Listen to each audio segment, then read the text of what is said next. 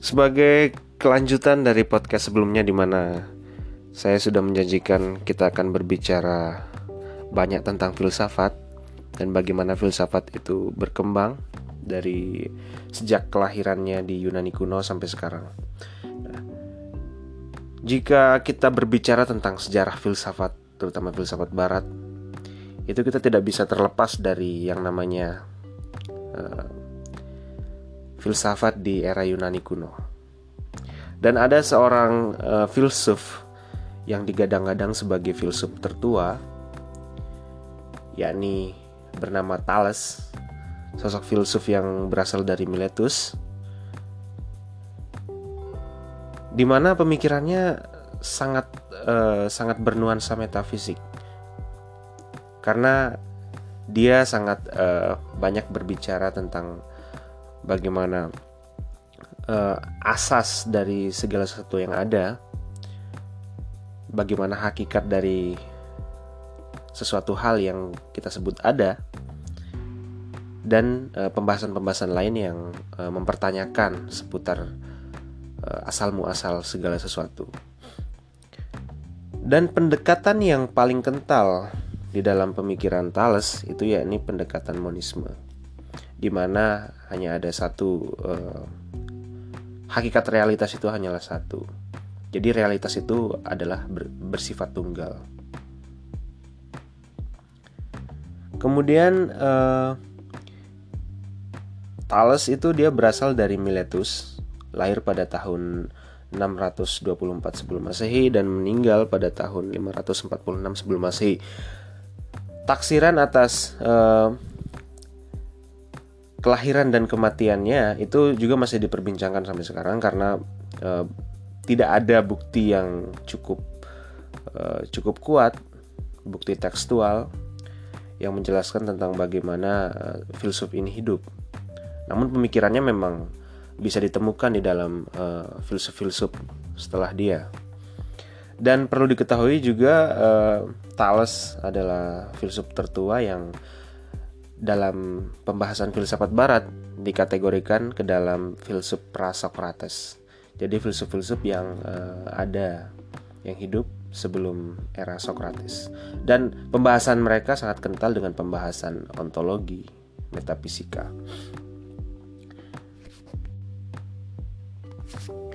Kemudian kata kunci yang paling penting ketika kita berbicara tentang Thales yaitu everything is made of water. Jadi segala sesuatu itu berasal dari air. Nah, di sinilah dia melihat bahwa e, segala sesuatu itu asal mulanya adalah air.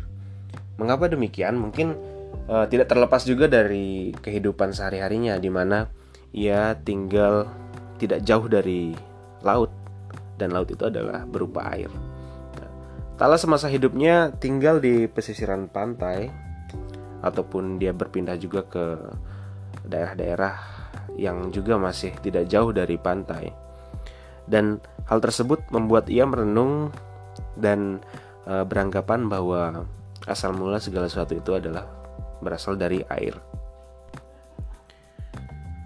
Kemudian e, kita juga perlu tahu bahwa alfabet yang kita gunakan pada saat ini itu ternyata dibuat pertama kali oleh eh, orang-orang Yunani yang hidup pada pertengahan abad 8 sampai dengan 6 sebelum Masehi yang di mana mereka bermukim di uh, daerah peninsula Yunani dan kemudian membangun uh, sebuah negara kota konsep negara kota di mana mereka membangun uh, sistem alfabetik untuk menulis dan menuangkan ide serta menandai dimulainya uh, era di mana peradaban Barat yang berkaitan dengan uh, filsafat Barat itu dimulai dari situ.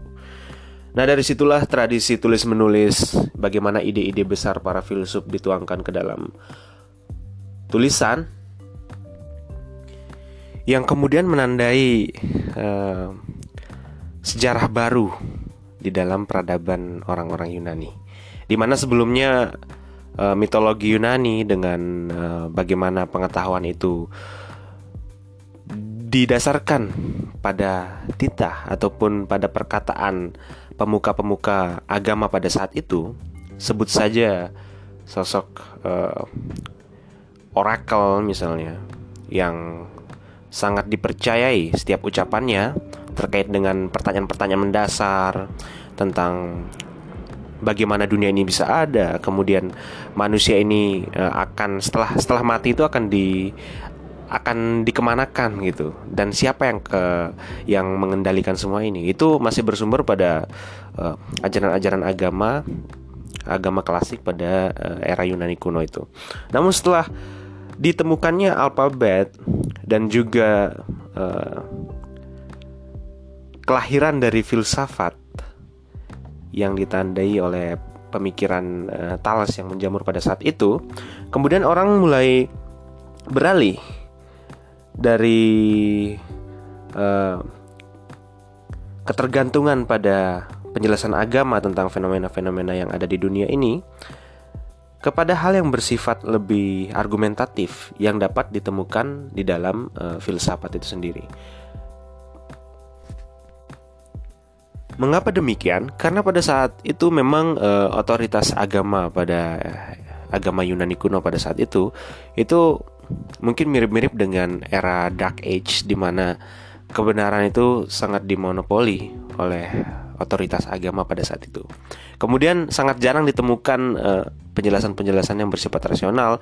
Kemudian orang-orang Yunani yang menemukan alfabet dan merasa bahwa penjelasan-penjelasan dari kaum agamawan itu tidak memadai untuk menjelaskan tentang dari mana dunia ini berasal. Dan mungkin memang penjelasan para agamawan pada saat itu lebih bercorak mitologis di mana memang uh, ada peran uh, Zeus, ada peran bagaimana Hades yang bertanggung jawab atas uh, ruh-ruh jiwa-jiwa manusia yang jahat selama hidupnya. Nah, kemudian nampaknya penjelasan-penjelasan seperti itu tidak begitu menarik lagi sehingga mereka cenderung tertarik untuk berkecimpung di dalam satu disiplin baru yang bernama filsafat. Nah, dalam peralihan itu, sosok yang memang paling menonjol dan uh, bisa dijadikan sebagai maskot uh, peralihan yaitu Thales. Dan memang pada saat itu belum ada penandingnya. Pada saat itu, orang mulai aktif menulis. Apa pun itu yang berkaitan dengan ide gagasan itu dituangkan ke dalam tulisan. Dan tulisan itu menjadi ajang untuk uh, beradu argumentasi. Dan pada saat itu uh, tidak ada satupun yang bisa menandingi eh, tulisan-tulisan dari seorang Thales. Dan di mana perlu kita ketahui juga bahwa Thales ini dia itu juga sangat pandai selain pandai dalam menuangkan idenya ke dalam bentuk tulisan pemikirannya tentang geometri dan astronomi sangatlah reputable dan terkenal sangat uh, masyur di dalam uh, masyarakat di Miletus. Dan sejarah juga membuktikan bahwa memang uh, keahlian Thales di bidang astronomi itu membuat prediksinya bahwa akan ada gerhana total pada tahun uh, 585 sebelum Masehi itu banyak dipercaya oleh orang. Dan memang uh, sangat berpengaruh di dalam perkembangan astronomi pada era itu.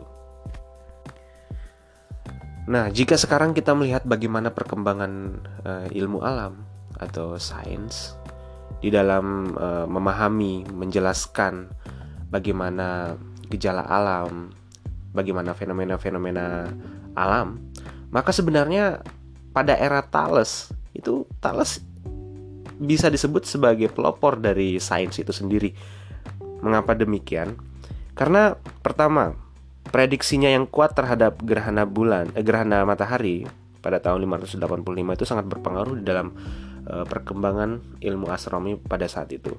Kemudian uh, prinsipnya yang cenderung menegasikan uh, bangunan kepercayaan atau bangunan agama uh, sebelumnya yang banyak dipercayai oleh orang, di mana dia beralih kepada penalaran rasional tentang gejala alam dan dia mulai mengajak orang-orang untuk tidak terlalu percaya terhadap uh, intervensi yang bersifat supranatural. Jadi eh, pertanyaan-pertanyaan uh, yang dijawab dengan argumentasi supranatural itu oleh Thales uh, lebih baik ditinggalkan dan banyak sekali pengikutnya yang juga uh, menyetujui dan cenderung mengikuti bagaimana pemikiran gurunya yakni Thales. Oleh sebab itu sederhananya ketika ada pertanyaan tentang uh, bagaimana alam semesta ini terbentuk dan apa unsur pembentuknya, di situ Thales uh, dapat menjawab pertanyaan tersebut dengan uh, semacam kategori-kategori yang harus ada pada uh, atau kategori-kategori kualitas yang harus ada pada penyusun atau sebagai penyusun alam semesta itu. Jadi alam semesta ini ada itu dikarenakan ada empat penyusun yang harus ada. Yang pertama, jadi segala sesuatu itu harus berasal dari sesuatu yang uh, berbentuk. Nah, di sini pijakan ontologinya memang sangat materialis. Di mana kemudian uh, yang kedua yakni bersifat esensial untuk hidup. Jadi uh, asas yang membentuk uh, alam semesta ini itu harus berkaitan dengan kehidupan yang ada di dalam alam semesta. Jadi tidak bisa jauh-jauh dari hidupan manusia. Dan di sini memang sangat kontras dengan bagaimana penjelasan para oracle yang menjelaskan bahwa alam semesta ini misalnya terbentuk dari uh, dari percikan apinya Zeus ataupun dari dan lain sebagainya yang masuk di dalam mitologi Yunani.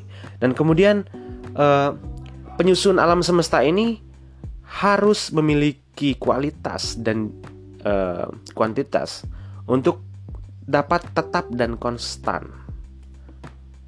Serta itu dia dapat bergerak.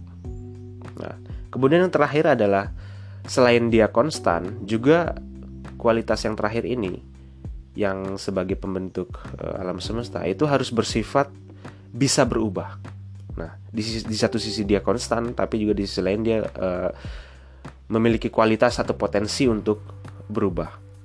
Nah, kemudian dari uh, beberapa argumentasi tersebut, Thales menyimpulkan bahwa asas yang membentuk alam semesta ini adalah air. Karena menurutnya air itu adalah sumber dari segala sesuatu yang ada. Jika kita melihat manusia, manusia memiliki darah, memiliki air liur dan sebagainya itu terdiri dari air. Tidak ada menurut Thales, menurut Thales itu tidak ada sesuatu yang tidak bisa terlepas dari air. Kemudian air itu sangat penting untuk kehidupan manusia. Itu masuk ke dalam uh, kategori dua tadi. Kemudian uh, air itu bisa bergerak dan bisa menggerakkan sesuatu yang uh, ada di atasnya atau di dalamnya, bisa mengalir. Nah, kemudian yang terakhir itu air itu bisa berubah-ubah, bisa berubah menjadi es, bisa menguap dan lain sebagainya. Dan itulah yang membuat dia berkesimpulan bahwa segala sesuatu ini berasal dari air. Sebagai penutup dalam sesi Thales ini, perlu diketahui juga bahwa selain terkenal sebagai filsuf pertama, Thales ternyata adalah sosok yang pandai berbisnis. Dia adalah sosok uh, bisnismen yang sangat sukses di era itu. Dan juga dia tergabung dalam gerakan politik yang juga menandai bahwa memang dia berusaha untuk tidak tidak terlalu uh, terkungkung pada hal yang bersifat bersifat transenden. Jadi dia berusaha untuk bagaimana mengaktualisasikan pemikirannya di dalam kehidupan yang nyata seperti itu. Jadi memang uh, jika kita melihat pada sekian banyak filsuf, sosok Thales memang bisa dibilang di satu sisi dia sangat kekeh dengan uh, pendapatnya ten tentang asal muasal segala sesuatu itu berasal dari air dan di sisi lain juga dia berusaha untuk uh, mengaitkan bagaimana pemikirannya yang masih bisa juga disebut abstrak itu ke dalam praktis sosial seperti bagaimana dia melakukan politik dan bagaimana dia berbisnis. Mungkin itu juga yang menjadi penyebab dia sukses dalam berbisnis ketika dia sangat menghormati suatu entitas yang bernama air.